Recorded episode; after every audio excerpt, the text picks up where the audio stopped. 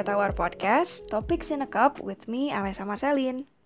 Apa kabar teman-teman? Semoga kalian semua dalam keadaan sehat ya, di mana pun kalian berada. So, ini adalah episode kedua dari Estate Tower Podcast, dan kemarin kita sempat ngobrol ini soal hustle culture yang aku rasa bisa relate untuk banyak anak-anak muda zaman sekarang. Dan hari ini bahasan kita nggak akan jauh-jauh dari soal anak muda dan industri. Terus juga backgroundku sendiri itu deket banget dengan pembahasan kita pada hari ini. Jadi pembahasannya adalah mengenai pendidikan vokasi. You might be guessing kenapa topik ini harus banget dibahas. Menurutku, pendidikan vokasi itu masih sering dapat stigma dan pandangan yang kurang gitu di masyarakat. Padahal sebetulnya dengan adanya pendidikan vokasi ini, we can probably change many aspect for the better di Indonesia. Apalagi zaman sekarang pemerintah udah menaruh concern lebih ke pendidikan vokasi ini. Jadi langsung aja yuk kita bahas. Kalau mendengar kata vokasi, pasti yang ada di pikiran itu praktik, praktik, dan praktik. Statement ini sebenarnya benar sih, karena pada dasarnya kalau kita belajar dengan basic pendidikan vokasi, kita bakal sering nemuin praktikum. Bisa dibuktikan juga dengan presentase, yaitu pembekalan dan pembelajaran yang dilaksanakan lebih banyak berfokus ke praktikum yaitu dengan angka 70% praktik dan 30% teori.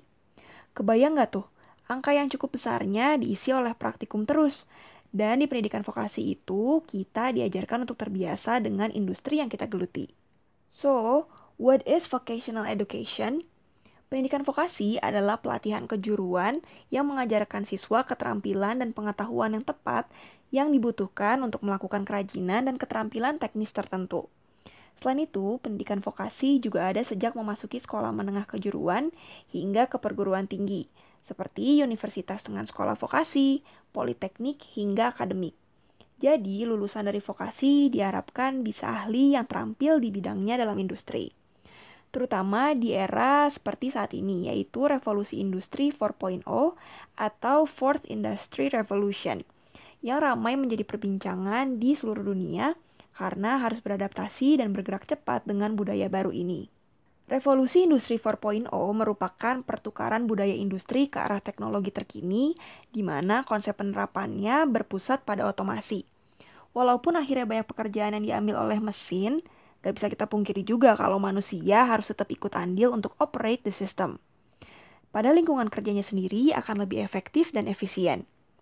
Nah, beririsan dengan hal ini juga perlu nih untuk kita memiliki skill yang dibutuhkan dan sesuai dengan field yang ada, agar kita bisa berkembang di industri itu.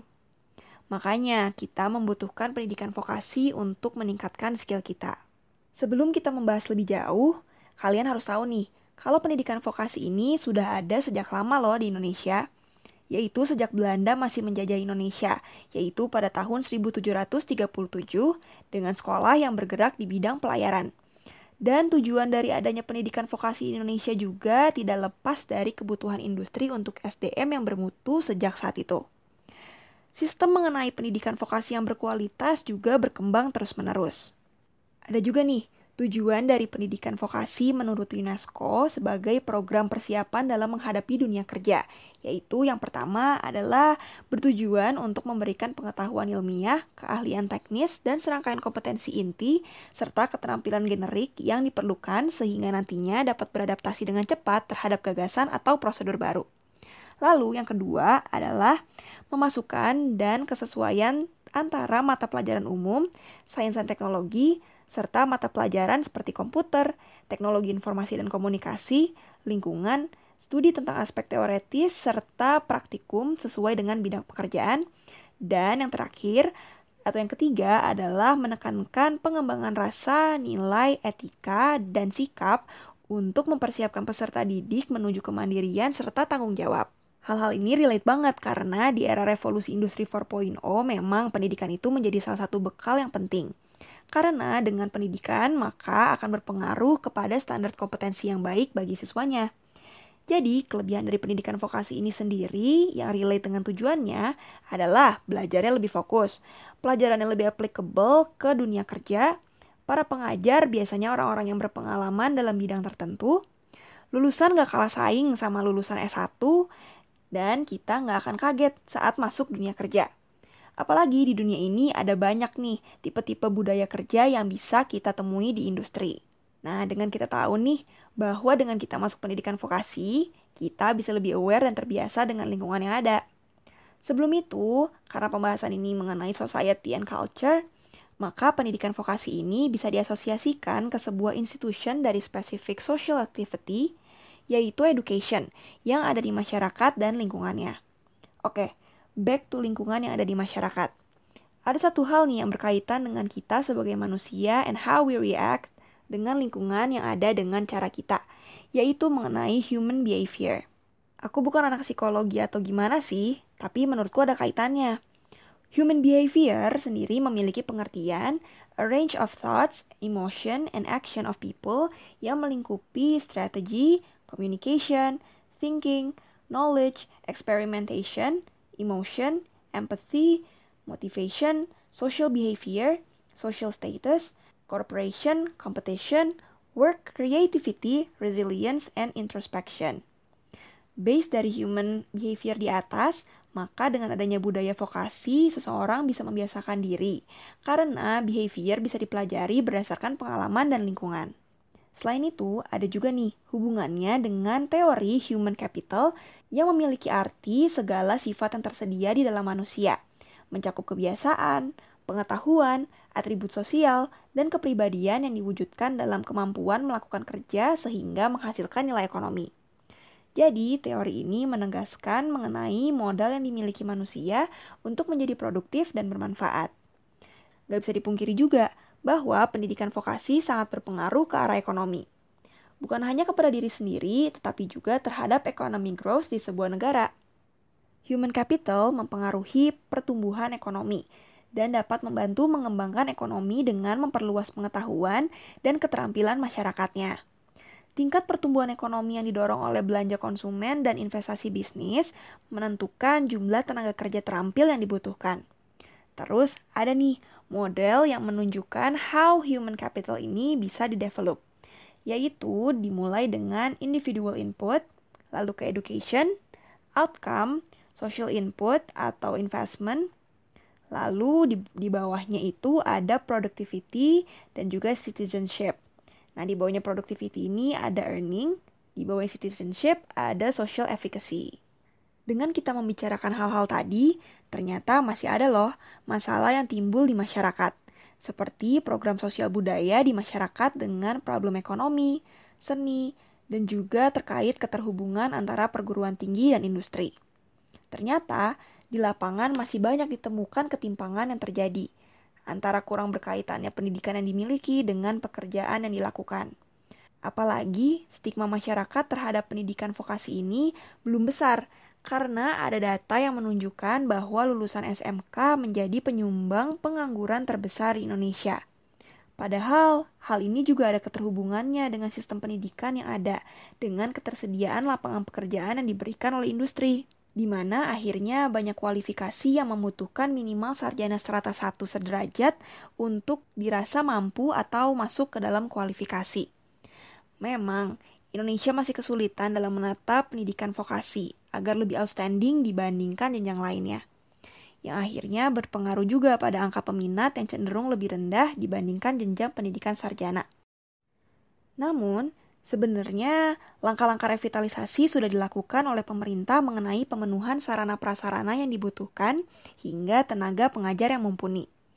Tapi memang sih, sarana prasarana itu penting banget – Apalagi aku pribadi seorang mahasiswa di sebuah sekolah vokasi Indonesia yang merasa dengan adanya sarana prasarana yang memadai, maka akan tercipta juga sebuah rasa percaya diri untuk mampu melakukan pekerjaan tertentu.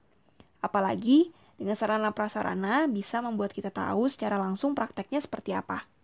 Untuk mengatasi permasalahan dan kendala yang ditemukan pada pendidikan vokasi, pemerintah telah membentuk Ditjen yang khusus mengatur pendidikan vokasi yaitu Ditjen Vokasi di bawah Kementerian Pendidikan dan Budaya.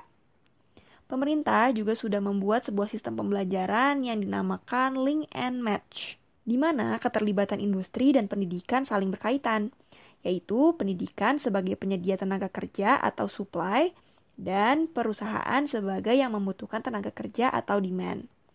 Kebijakan link and match ini juga dianggap sebagai penggalian kompetensi yang dibutuhkan pasar kerja di masa yang akan datang.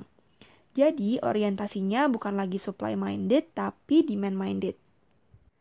Selain link and match sebagai jembatan dunia usaha dan dunia industri atau DUDI, ada juga nih program lain yang dicanangkan oleh Kemendikbud yaitu Rumah Vokasi, Center of Excellence atau COE, mahasiswa berwirausaha, dan pelibatan industri di dalam menyusun kurikulum.